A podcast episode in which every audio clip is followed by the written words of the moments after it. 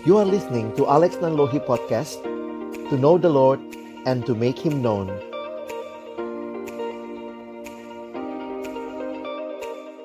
Mari sama-sama sebelum kita membaca merenungkan firman Tuhan, kita berdoa.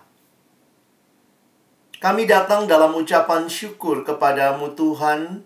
Terima kasih di hari perhentian yang kau berikan kepada kami. Kami boleh datang bersekutu, memuji, memuliakan namamu.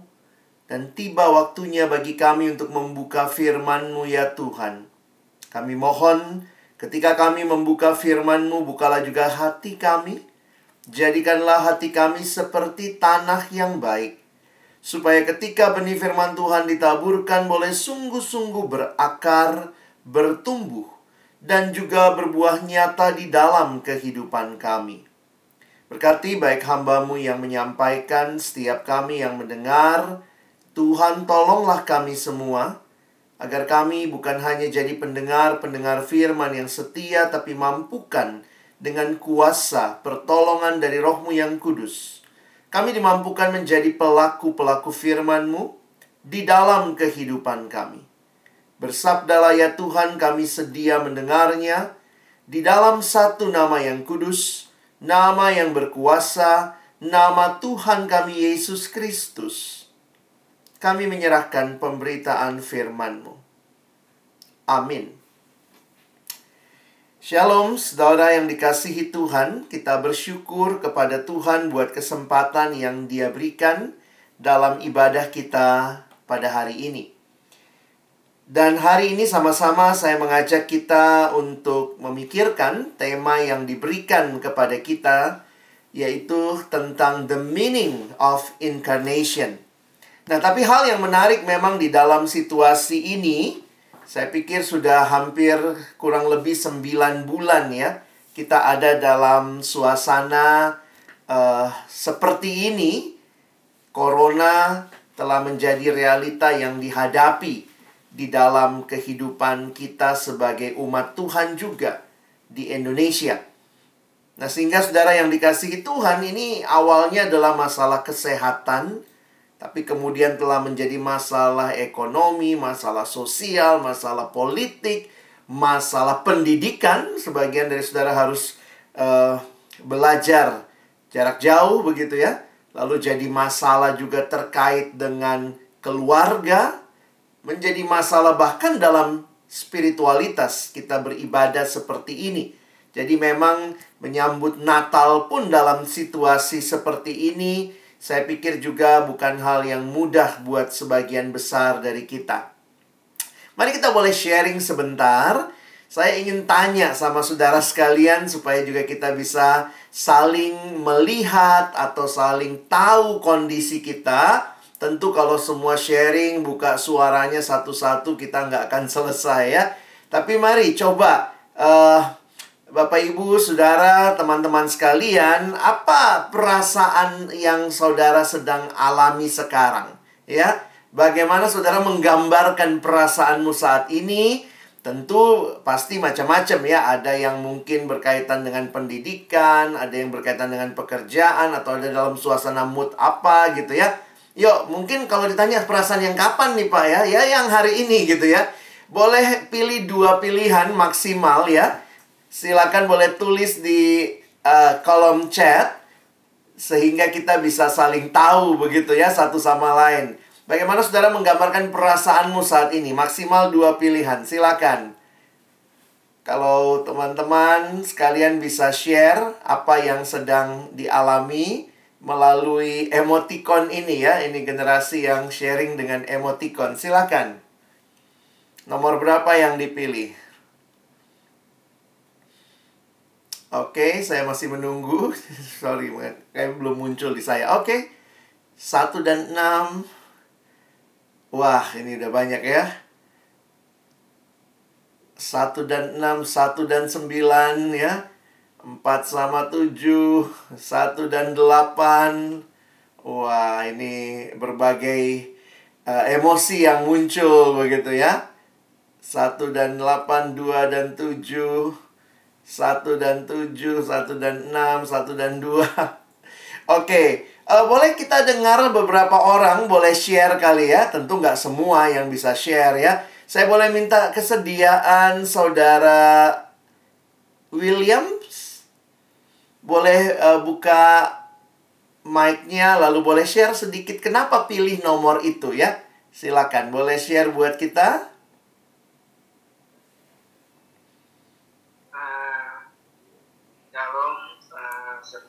Selamat sore. Sore. Semuanya. Bagaimana saudara menggambarkan perasaan saat ini? Puji Tuhan, perasaan. Nah, pada saat ini uh, bersuka cita karena dikit lagi kita akan menyambut uh, hari raya Natal. Hmm. Bersuka cita juga bisa beribadah bersama-sama di CSSU.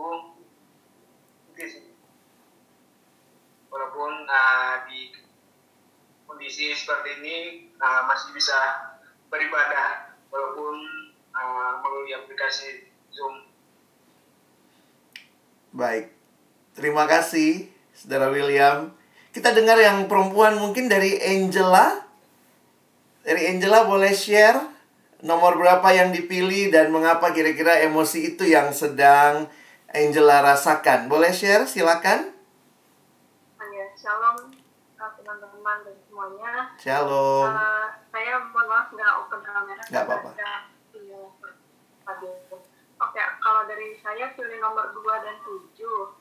Kayak lama-lama tuh agak lelah juga menghadapi uh, kuliah online, terus juga uh, kalau di rumahku agak ketat gitu, jadi nggak boleh ke mana-mana gitu. Jadi bosan juga di rumah. Jadi kadang-kadang uh, nomor 2 dan nomor 7 itu gabungan lah gitu. Jadi kadang-kadang bosan, kadang-kadang jadinya aduh kapan sih ini selesainya gitu jadi Oke. Okay. nomor dua dan tujuh baik terima kasih terima kasih Angela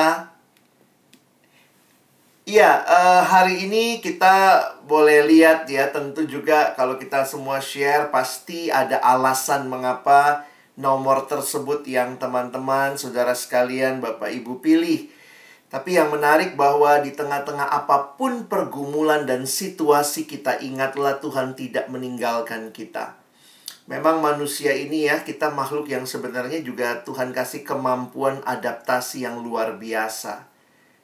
Ya ketika situasi seperti ini ternyata sudah kita lalui hampir 9 bulan ini, saya melihat juga di tengah-tengahnya Tuhan memberikan kepada kita kekuatan demi kekuatan yang kita butuhkan.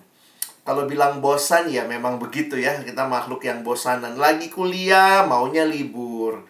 Dikasih banyak libur maunya ketemuan kuliah ya. Jadi memang itu situasi yang kita alami ya. Nah, waktu hari ini kita sama-sama berbicara juga dalam suasana kita masuk dalam minggu Advent yang kedua, kita bicara tentang menyambut Natal. Advent artinya datang. Jadi, siapa yang datang? yaitu Tuhan sendiri yang kita peringati kedatangannya kali yang pertama 2000 tahun yang lalu dan juga Advent menjadi antisipasi kita untuk menyambut kedatangannya yang kedua kali. Karena itu di dalam gereja Tuhan, kalender gerejawi bukan dimulai dengan tahun baru, tapi kalender gerejawi dimulai dengan masa Advent, ya. Nah, sehingga saya pikir ini jadi kesempatan kita kembali melihat apa sih yang paling penting waktu kita merayakan Natal. Sehingga pertanyaan ini jadi menarik, saudara ya. Hal apa saja yang saudara dan saya ingat pada saat merayakan Natal? Banyak kali orang sibuk dengan berbagai pernak-pernik Natal. Mungkin uh, pohon Natal, Santa Claus ya, uh, hiasan, kado begitu ya. Tapi kalau kembali melihat secara artinya, katanya Natal artinya lahir dari bahasa Latin begitu ya. Dan pertanyaan penting adalah siapa yang lahir pada waktu Natal? Natal kita bicara bukan kelahirannya Santa Claus, bukan kelahirannya Frosty the Snowman, tapi Natal bicara kelahirannya Yesus Kristus. This is Jesus' birthday. Yang kita peringati adalah kelahiran Kristus. Sehingga biarlah kita tidak teralihkan dari fokus utama perayaan Natal. dalam sebuah kalimat pertanyaan dalam bahasa Inggris, what is the most important thing about Christmas? Lalu kemudian dijawab, the most important thing about Christmas is the first six letters. Hal yang paling penting di dalam Christmas adalah enam huruf pertama. C H R I S T. Ya bayangkan Christmas without Christ tinggal Mas. Apa ini perayaan Mas-mas bukan ya? Tapi kita bicara tentang Kristus yang lahir dan dialah yang harus jadi pusat daripada kehidupan beriman kita. Sehingga kalau sekarang dalam kaitan rangkaian tema Christ for Youth, mari kita belajar memaknai dan menyadari betapa Kristus adalah yang menjadi pusat dalam ibadah kita. Nah, kalau saudara memperhatikan di dalam pengakuan iman kita bahwa pengakuan akan Kristus menjadi salah satu pengakuan sentral. Karena kalau kita perhatikan pengakuan iman rasuli secara khusus berpusat pada pengakuan akan Allah Tritunggal. Dan yang menarik, pengakuan tentang Allah Bapa, anaknya Yesus Kristus dan Roh Kudus maka fokus yang paling panjang di dalam pengakuan iman kita adalah tentang Kristus. Dan kita bisa melihat ini juga dalam sejarah karena pada masa itu salah satu yang menjadi perbincangan hangat yang kemudian dijawab melalui konsili, dijawab di dalam pengakuan iman adalah tentang siapa Yesus. Mari kita lihat sebentar ya kalau kita mengakui iman kita Kadang-kadang kita ngomongnya karena sudah hafal, gampang sekali dan cepat sekali. Tapi mari perhatikan bahwa hal-hal yang sedang kita pelajari ini Christ for Youth berakar bersumber dari pengakuan kita. Termasuk apa yang kita pelajari hari ini tentang the meaning of incarnation. Mengapa kita mempercayai inkarnasi apa artinya inkarnasi sebenarnya terkandung di dalam pengakuan kita. Aku percaya kepada Yesus Kristus. Siapa dia? Anaknya yang tunggal, anak Allah yang tunggal Tuhan kita. Dia Allah, dia Tuhan kita. Tapi perhatikan yang dikandung daripada Roh Kudus, dia menjadi manusia. Jadi sebenarnya seluruh pengakuan kita dalam kalimat-kalimat yang penting ini adalah intisari dari kehidupan beriman kita khususnya tentang siapa Yesus. Yang dikandung daripada Roh Kudus lahir dari anak darah Maria yang menderita sengsara di bawah pemerintahan Pontius Pilatus disalibkan, mati dan dikuburkan, turun ke dalam kerajaan maut. Pada hari yang ketiga bangkit pula dari antara orang mati naik ke sorga, duduk di sebelah kanan Allah, Bapa yang Maha Kuasa. Dan dari sana ia akan datang untuk menghakimi orang yang hidup dan yang mati. Saudara, pengakuan iman kita berpusat kepada dua hal berkaitan dengan Kristus. Berpusat kepada pribadi Kristus dan juga karya Kristus. Jadi nanti saya ingin mengajak kita melihat ya bagaimana memahami inkarnasi dari dua perspektif ini. Pribadi Kristus dan juga karyanya. Sehingga kalau kita perhatikan memang tentu tidak bisa melihat uh, pribadi Kristus dan karyanya ini hanya dari satu peristiwa. Hanya dari kelahiran saja. Oh sulit saudara ya. Hanya dari kematian saja. Tidak bisa seperti itu. Karena melihat lagi, sekali lagi perhatikan pengakuan iman kita berbicara dari Yesus lahir ya. Kalau lihat dalam sejarah yang dikandung dari Roh Kudus lalu lahir, menderita, perhatikan yang saya garis bawahi, disalibkan, mati, dikuburkan, naik ke surga, duduk di sebelah kanan Allah bahkan berjanji akan datang kedua kali. Jadi perhatikan, ini bukan sekadar bicara kelahiran Yesus di palungan. Karena itu waktu saya dapat gambar ini, walaupun ini tidak lengkap, tapi ini bagi saya hal yang menarik tentang siluet hidup Yesus. Mulai dari dia lahir, ada palungan di situ, dia bertumbuh, dia hidup, dia memikul salib, dia mati di kayu salib, dia bangkit, nanti dia naik ke surga, dan dia berjanji akan datang kali yang kedua. Sehingga kalau kita perhatikan bahwa Natal tidak bisa dipisah dari Jumat Agung, dari Paskah, dari kenaikan Yesus, dari janji kedatangannya kembali. Jadi ini sebuah kisah yang utuh tentang pribadi dan karya Kristus. Tetapi memang menarik bahwa ini dimulai dari mana? Dimulai dari kelahiran Kristus. Sehingga saya pikir tidak kebetulan gereja pun menyusun kalender gerejawi kita tidak dimulai dengan minggu sengsara misalnya, bukan itu. Gereja tidak mulai dengan uh, bicara tentang uh, kebangkitan Yesus, Paskah, tapi gereja kalender gerejawi mulai dengan masa Advent, ya. Di mana kita melihat kepada Kristus yang telah datang 2000 tahun yang lalu dan akan datang kembali.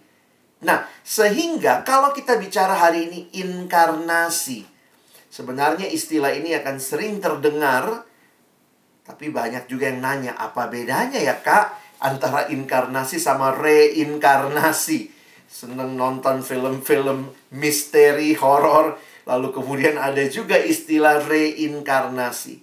Ini berbeda ya. Kekristenan kita tidak menerima reinkarnasi kekristenan menerima inkarnasi berkaitan dengan pribadi Kristus.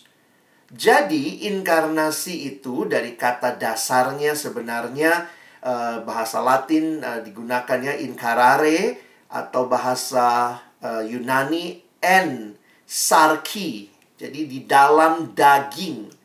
Jadi ini menunjukkan satu realita yang terjadi ketika Yesus datang ke dalam dunia.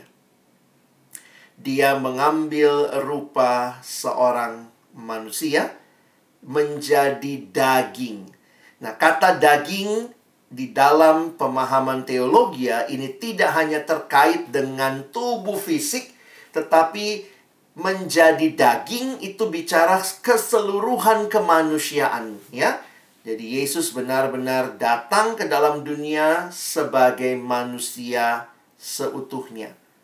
Nah, jadi kalau kita perhatikan itulah yang dipahami tentang inkarnasi atau menjelma in en menjadi daging, menjadi manusia. Dan karena itu, secara sederhana doktrin inkarnasi mengajarkan bahwa Yesus yang seutuhnya Allah menjadi seutuhnya manusia. Ini misteri. Dalam pengertian misteri dalam kekristenan bukan berarti sesuatu yang uh, mistis ya. Saya pikir bagi kita yang percaya inkarnasi merupakan misteri ilahi dalam arti kita tidak bisa memahami seutuhnya.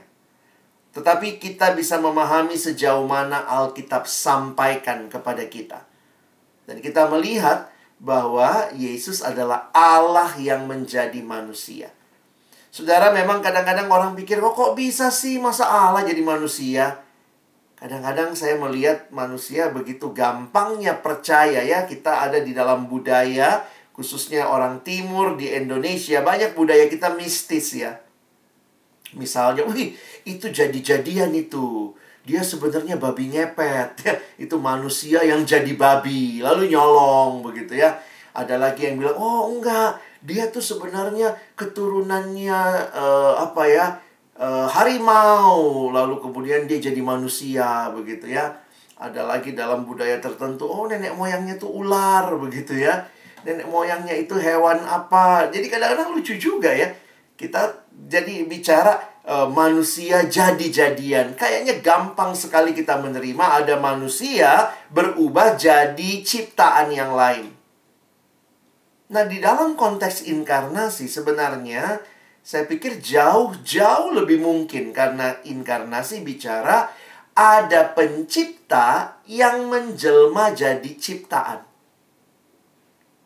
Kalau kita saja bisa percaya sebuah ciptaan, seorang ciptaan bisa jadi ciptaan lain, apa susahnya sebenarnya kita menghayati pencipta jadi ciptaan?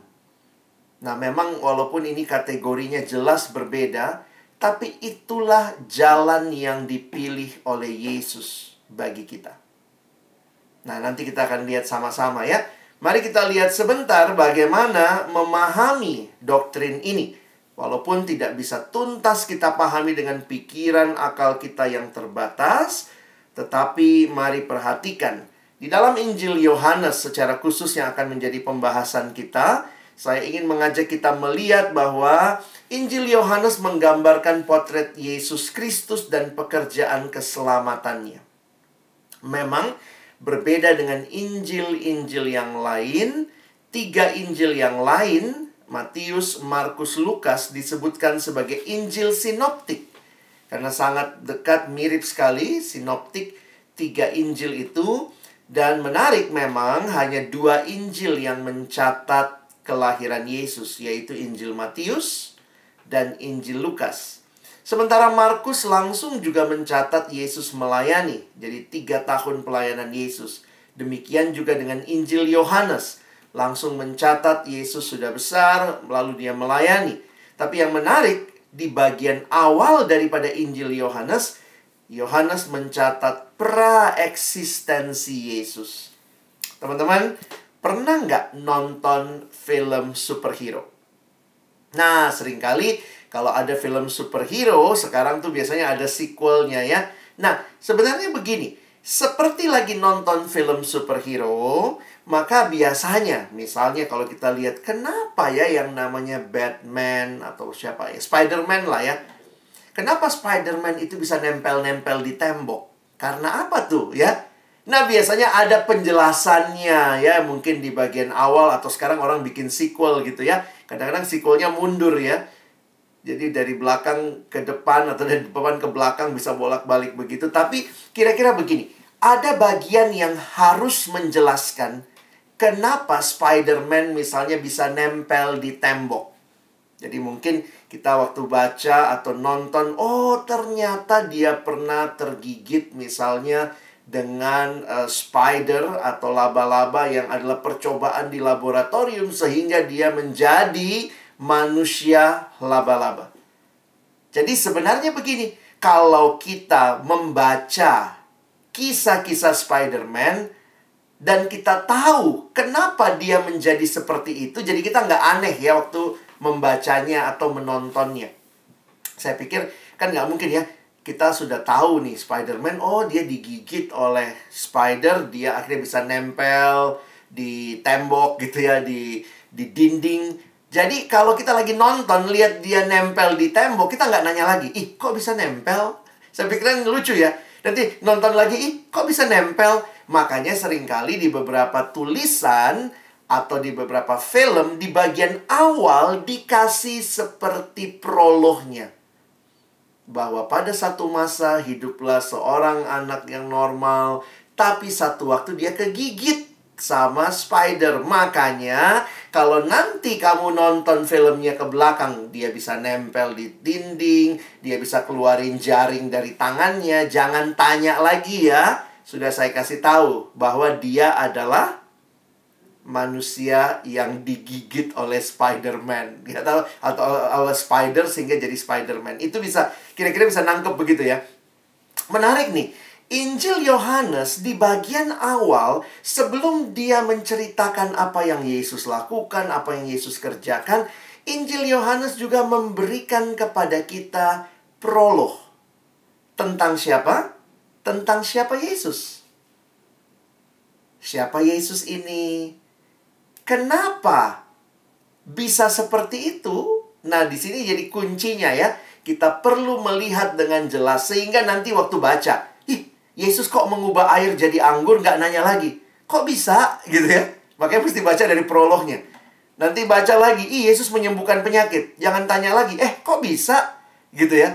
Nanti waktu baca Yesus membangkitkan orang mati. Jangan tanya lagi, ih kok bisa di Yohanes pasal 11 Seolah-olah Rasul Yohanes di awal Injilnya sudah memberikan pemahaman kepada kita bahwa yang nanti kamu akan baca sepanjang Injilku ini. Saya sudah ceritakan di awal ya, siapa dia. Nah, saya fokus kepada lima ayat pertama saja ya. Ini sangat indah, sangat luar biasa. Waktu terbatas tidak bisa menjelaskan semuanya. Kita baca Yohanes 1 ayat 1 sampai ayat yang kelima. Saya akan mulai membaca, saya tuliskan semua ayat di screen. Pada mulanya adalah firman. Firman itu bersama-sama dengan Allah dan firman itu adalah Allah. Ia pada mulanya bersama-sama dengan Allah Segala sesuatu dijadikan oleh Dia dan tanpa Dia tidak ada sesuatu pun yang telah jadi dari segala yang telah dijadikan.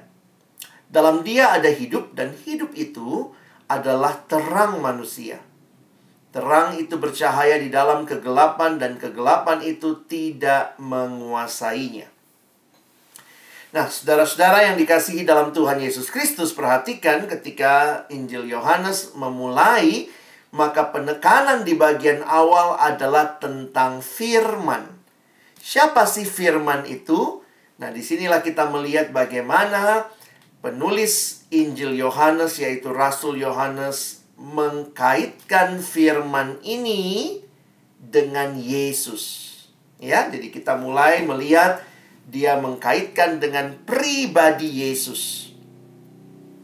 Dan secara sederhana, seperti yang saya katakan tadi, dalam pasal pertama Injil Yohanes dinyatakan bahwa Yesus adalah firman Allah itu. Pada mulanya adalah firman. Jadi kalau kita perhatikan apa sih yang sedang coba dijelaskan oleh Rasul Yohanes? Secara sederhana ini kesimpulannya. Ketika dia berbicara, Yesus adalah firman yang adalah Allah.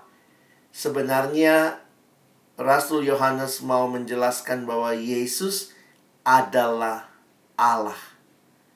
Jadi kalau kita perhatikan kalimatnya kan pada mulanya adalah firman, ya. Nah, firman itu bersama-sama dengan Allah. Tapi dia bukan cuma bersama-sama dengan Allah, firman itu adalah Allah sendiri. Jadi, secara sederhana mau menjelaskan bahwa Yesus firman itu adalah Allah the view that Jesus is divine as the word is explained in many ways in John chapter 1. Jadi dalam Yohanes pasal 1 dijelaskan tentang Yesus yang adalah firman itu dan Yesus yang adalah firman itu adalah Allah sendiri. Nah, apa saja yang menjadi karakteristik Allah? Nah, itu yang coba dijelaskan di Yohanes pasal 1 ini. Misalnya kita bilang, oh kalau Allah dia harus sifatnya kekal.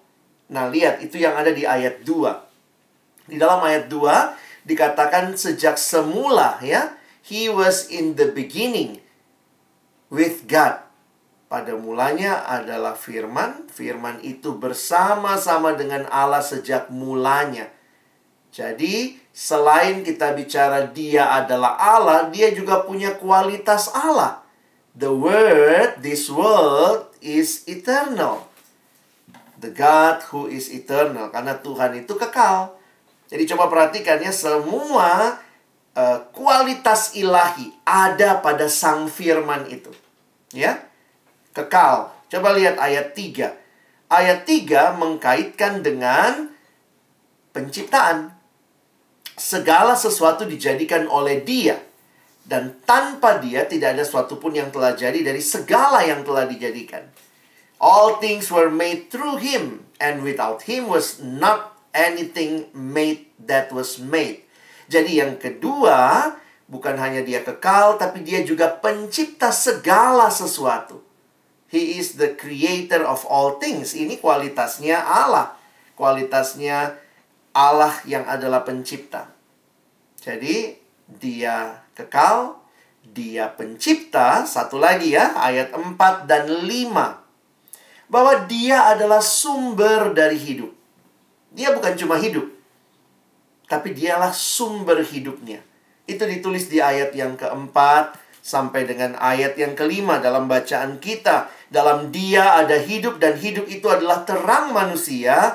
Terang itu bercahaya di dalam kegelapan dan kegelapan itu tidak menguasainya. Nah, sehingga kalau kita perhatikan, dia kekal, dia pencipta, dia sumber hidup, the source of life. Jadi sudah sangat komprehensif di sini, ya. Ini kesimpulannya. Yohanes mempresentasikan Yesus dari awal.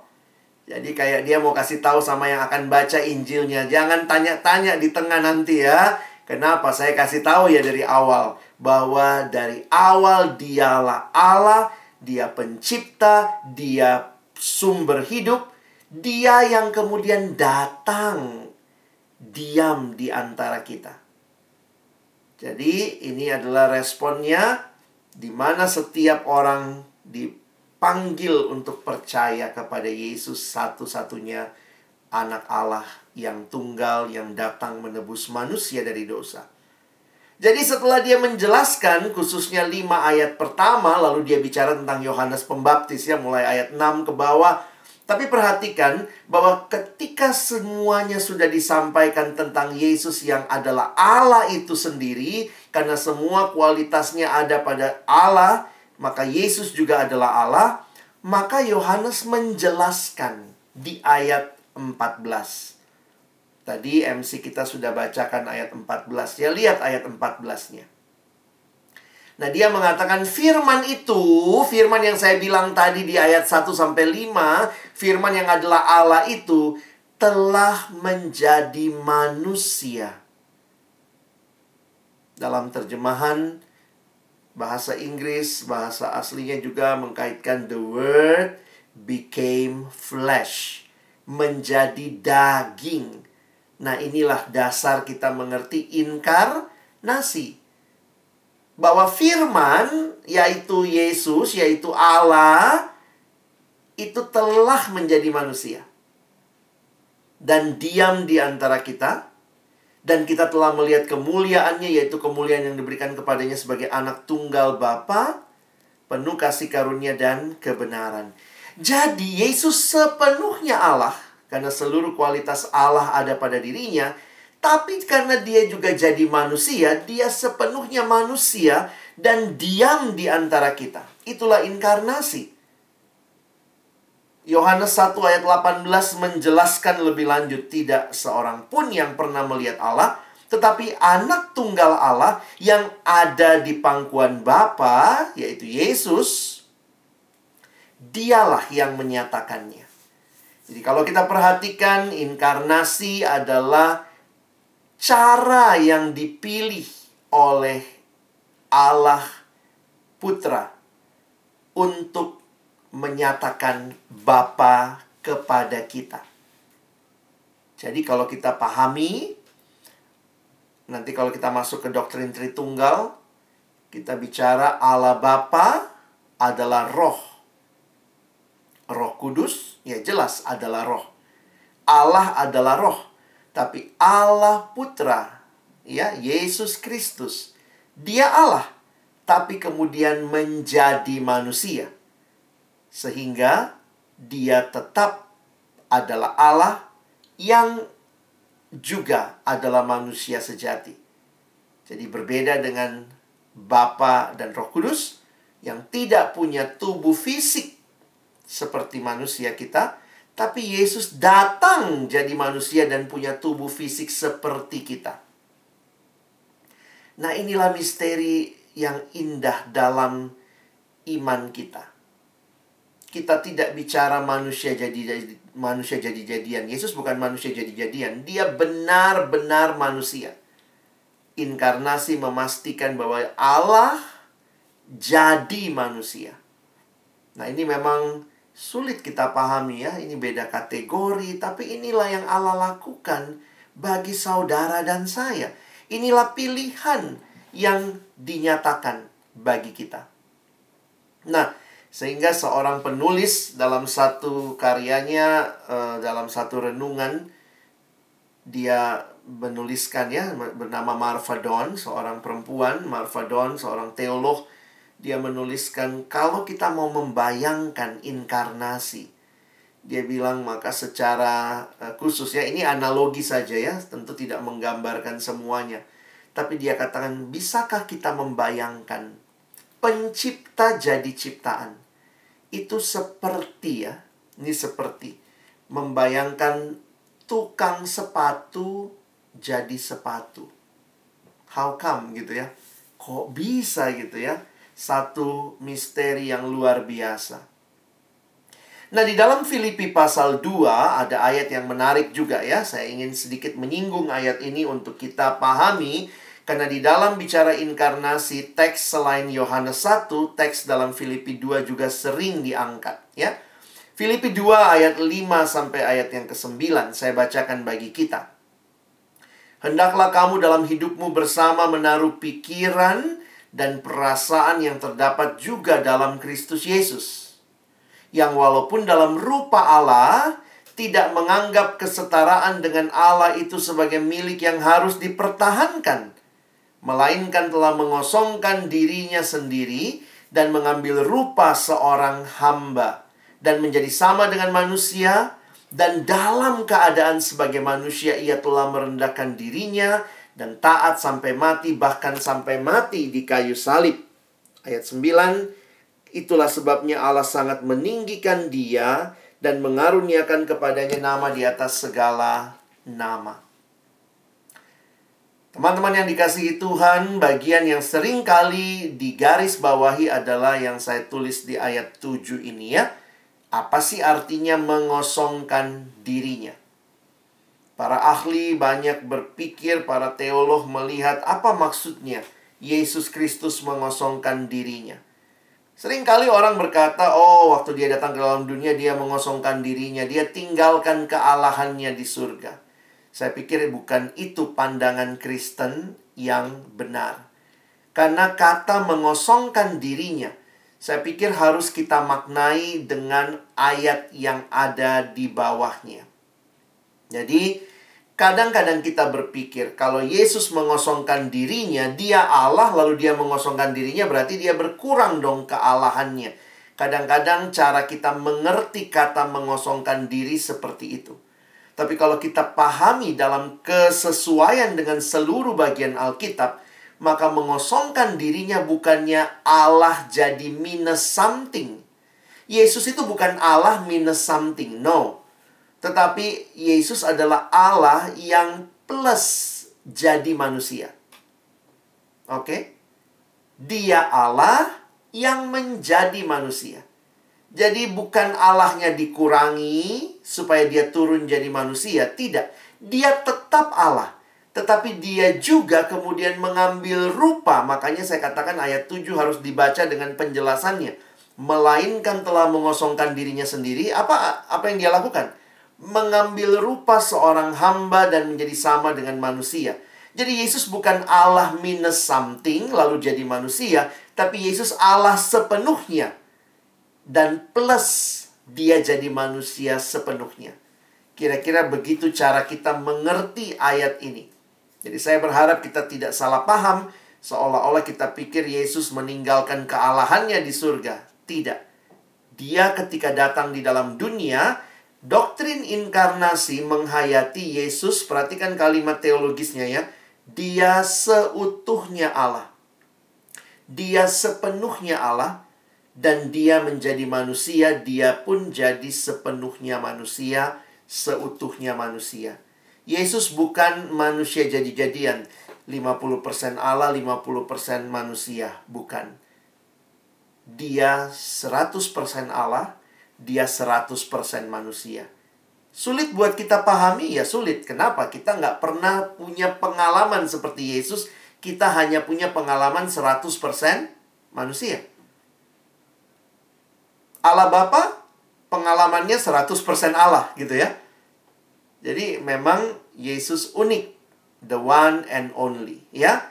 Nah, kenapa kekristenan mempercayai doktrin inkarnasi ini? Karena doktrin ini penting sekali terkait dengan karya Kristus. Jadi memang tidak bisa kita hanya bahas pribadi Kristus. Wah, dia adalah Allah yang jadi manusia. Tapi buat apa? Apa apa gunanya dia Allah yang jadi manusia? Dia cuma mau show off, tunjukin nih aku Allah nih, sekarang jadi manusia, asik.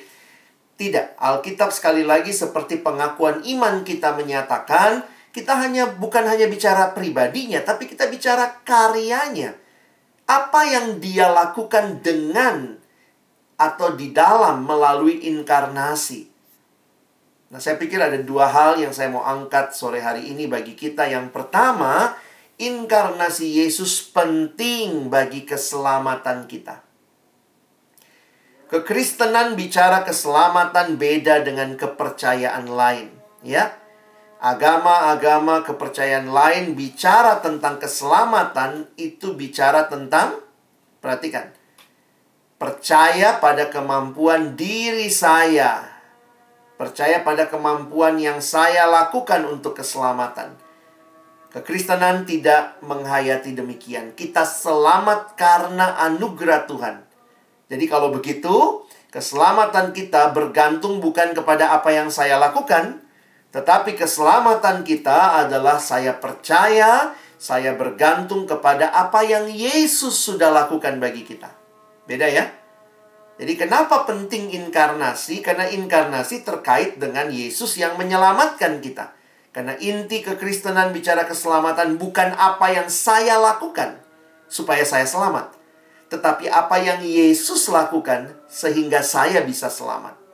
Karena itu kita diminta untuk percaya pada karyanya. Lalu kenapa Yesus yang menyelamatkan kita, dia harus sepenuhnya manusia? Tapi bukan hanya sepenuhnya manusia, dia juga harus sepenuhnya Allah. Makanya kita bilang kenapa harus ada inkarnasi? Karena ini berguna bagi keselamatan kita. Perhatikan penjelasan teologisnya. Yesus harus sepenuhnya manusia. Jika Yesus bukan sepenuhnya manusia, maka ketaatannya di tempat kita akan menjadi tak bermakna. Demikian juga kematiannya sebagai ganti kita tidak bermakna. Toh, dia adalah hanya Allah kemanusiaan Yesus membuat dia sanggup menjadi pengantara antara Allah dan manusia, yaitu manusia Kristus Yesus. Itu kalimat dalam 1 Timotius 2 ayat 5. Ketika kita tahu Yesus adalah manusia sepenuhnya, kita bersyukur bahwa pergumulan kita, apa yang kita rasakan, apa yang kita alami, pernah Yesus alami. Dia bukan Allah yang tinggal di atas sana instruksi ya. Coba kiri sedikit. Ah, naik, naik kanan. Ah, iya, coba ampuni. Ah, kau dihianati ya. Coba jangan balas dendam. Yesus pernah jadi manusia. Dia pernah bukan pernah ya, dia seutuhnya manusia. Dia tahu apa artinya dihianati. Dia tahu apa artinya di, dikecewakan, tapi dia pun telah belajar mengampuni, eh, melakukan memberikan pengampunan kepada murid-muridnya. Jadi kita bersyukur Allah kita bukan cuma Allah yang tinggal di atas sana dan tidak pernah mengalami pergumulan kita. Kadang-kadang kalau orang yang banyak ngomong bilang, "Oh, mestinya begini, begini, begini." Kita suka bilang, "Kamu coba tukar tempat." Tapi kita nggak bisa bilang itu sama Yesus ya. Tuhan, saya kecewa banget. Terus Tuhan bilang, "Iya ya, oh, saya juga kecewa." Terus kita bilang, "Coba tukar tempat." Tuhan bilang, "Oh, saya sudah pernah di tempatmu. Saya pernah jadi manusia." harus sepenuhnya manusia untuk menyelamatkan manusia. Gak mungkin kalau kita diselamatkan hanya oleh Allah yang tidak pernah jadi manusia. Dia tidak cukup qualified menyelamatkan kita. Dan dilanjutkan, ini saya kutip dari kalimat Wayne Grudem dalam bukunya Systematic Theology. Dia katakan pada saat yang sama Yesus juga adalah sepenuhnya Allah. Tidak bisa hanya sepenuhnya manusia. Karena penjelasannya, jika Yesus bukan sepenuhnya Allah, dia tidak akan bisa menanggung seluruh hukuman atas dosa bagi seluruh dunia. Dan jika dia tidak menanggung seluruh hukuman atas dosa dunia sebagai orang yang tidak berdosa, maka tidak akan ada pembayaran yang sah atas dosa siapa pun dan seorang pun tidak akan ada yang selamat. Beberapa ayat yang muncul dalam Alkitab mengatakan keselamatan dari Allah. Maka kalau Yesus hanya manusia, tidak cukup. Dia harus sepenuhnya Allah sehingga dia bisa menanggung seluruh hukuman dosa. Dan di sinilah kita melihat kenapa kekristenan kita sangat meyakini Yesus sepenuhnya Allah, tapi juga sepenuhnya manusia. Dan bagaimana kita menghayati ini? Keselamatan kita adalah percaya pada inkarnasi. Jadi jangan sepelekan doktrin ini. The meaning of incarnation is really really for our salvation. Perhatikan, di awal Injil Yohanes, Yohanes menjelaskan Allah yang jadi manusia. Tujuannya Yohanes apa sih? Di akhir Injil Yohanes dia tuliskan. Tujuan Injil Yohanes jelas disampaikan dalam Yohanes 20 ayat 30 dan 31. Perhatikan kalimatnya. Memang masih banyak tanda lain yang dibuat Yesus di depan mata murid-muridnya yang tidak tercatat dalam kitab ini, tetapi semuanya yang tercantum di sini termasuk dari pasal 1 telah dicatat supaya kamu percaya bahwa Yesuslah Mesias anak Allah. Dan bukan hanya itu, apa akibat percaya itu? Dan supaya kamu oleh imanmu memperoleh hidup dalam namanya. Injil Yohanes ditulis untuk menolong kita percaya kepada Kristus dan menerima hidup yang kekal. Jadi di sinilah saya pikir kita memahami indahnya keselamatan kita. Dan yang terakhir, inkarnasi Yesus harusnya menjadi teladan bagi pelayanan kita. Yesus tidak melayani dari surga saja, tapi Dia dari surga turun ke dunia supaya Dia bisa bersama-sama dengan kita. Saya pikir pelayanan yang baik diteladankan Yesus, pelayanan yang inkarnasional. Ada banyak pola dalam hidup, dalam pelayanan. Beberapa misionaris ketika dia datang misalnya dari negaranya, dia belajar meninggalkan apa yang dia pahami, apa yang mungkin jadi kebiasaan dia gitu ya. Kalau hari-hari biasanya makan roti mungkin, makan kentang, datang ke Indonesia belajar makan nasi gitu ya. Belajar makan saksang kira-kira begitu. Jadi itu sebenarnya pelayanan yang inkarnasional berani menyangkal diri, meninggalkan kenyamanan untuk bersama dengan orang yang dia layani. Bayangkan itu yang Yesus lakukan. Dan Yesus teladankan bagi kita sehingga pelayanan bukanlah pelayanan dari ketinggian, tapi pelayanan yang datang dan menyatu dengan yang dilayani. Dan itu teladan pelayanan yang Tuhan berikan. Mari kita rindukan ya, pelayanan gereja, pelayanan mahasiswa, pelayanan kita di mana pun, kita inkarnasional bahwa kita menyatu dengan orang yang kita layani. Kita bukan melihat mereka sebagai objek yang dilayani, tapi kita hadir bersama dengan mereka. Sebuah pujian yang ditulis oleh seorang uh, kakak rohani kami, Kak Astri Sinaga, menggemakan hal ini ya. Dia menuliskan salah satu baitnya. Tuhan, kau pernah ada, maaf kurang kata ada ya Kau pernah ada di tengah manusia, berjalan di antara manusia berdosa, menyembuhkan yang luka, mengangkat yang jatuh, melepaskan yang terikat dalam dosa. Tuhan tidak lakukan itu dari surga. Dia bisa tentunya lakukan itu dari surga, tapi Dia memilih untuk turun ke dalam dunia. Kita akan merayakan Natal sebentar lagi. Apa yang kita ingat? Ingatlah inkarnasi ini yang penting bagi keselamatan kita, yang juga jadi teladan bagi pelayanan kita. Selamat menyambut Natal, maknailah dengan inkarnasi yang juga boleh menjadi gaya hidup kita yang melayani Tuhan dan sesama. Amin. Mari berdoa. Bapak Surgawi, terima kasih buat firman-Mu. Terima kasih untuk setiap kami yang boleh belajar dan mengerti kehendak-Mu. Tolong kami sekali lagi. Bukan hanya jadi pendengar, tapi jadi pelaku-pelaku firman-Mu. Benar-benar dalam hidup kami. Kami meneladani Kristus yang hadir, terlibat dalam pergumulan kami manusia, dan memberikan jalan keluar kepada kami. Tolong kami sekali lagi menerima keselamatan yang kekal itu di dalam Kristus dan meneladanimu untuk melayani sesama kami di generasi ini. Kami bersyukur dalam nama Yesus kami sudah berdoa. Amin.